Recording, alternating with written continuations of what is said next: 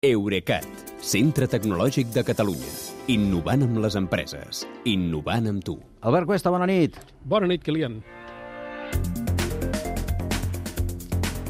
Si parlem del projecte de Jocs Olímpics d'hivern als Pirineus, trobes que la creació de llocs de treball durant els dies de competició i pel que fa allà on van els atletes no és un bon argument per convèncer els habitants de les comarques afectades.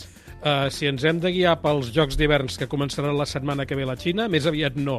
I t'ho dic perquè allà no hi haurà gaire feina per cuiners i cambrers. A la Vila Olímpica de Pequín, els menjadors per atletes i premsa estan completament automatitzats.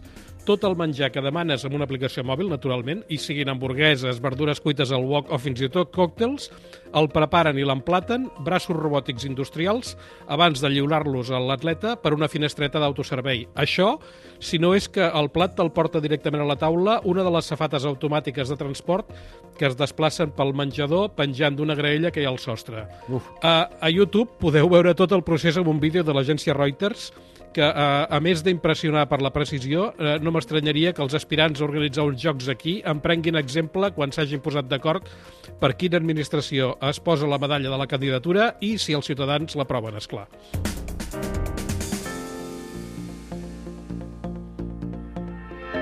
Fa una mica d'impressió, eh, això, els plats et van venint tots sols. Eh, Els Jocs d'hivern de Pequín també seran la prova del cotó pel govern xinès en matèria de respecte per la privadesa, clarament, eh?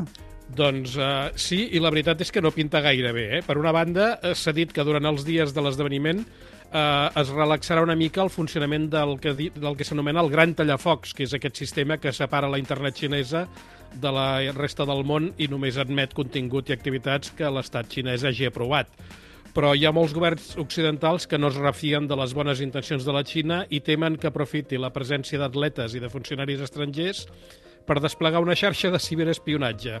I per això, eh, països com el Canadà i els Països Baixos han dit als seus participants que deixin a casa l'ordinador i el mòbil personal i llavors els en proporcionen un altre que està net i que l'hauran de lliurar quan tornin.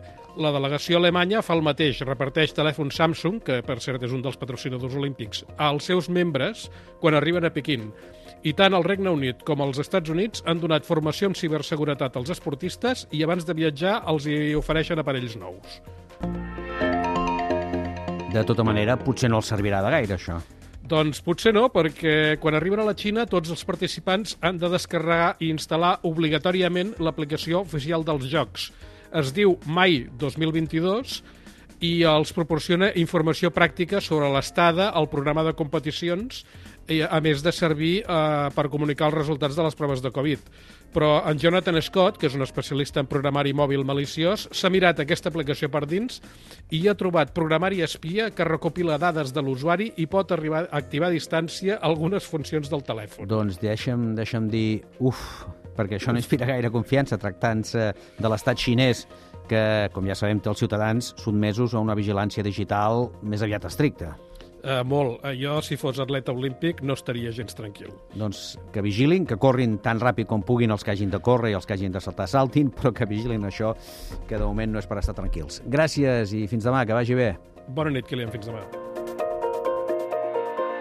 Eurecat, centre tecnològic de Catalunya. Innovant amb les empreses. Innovant amb tu.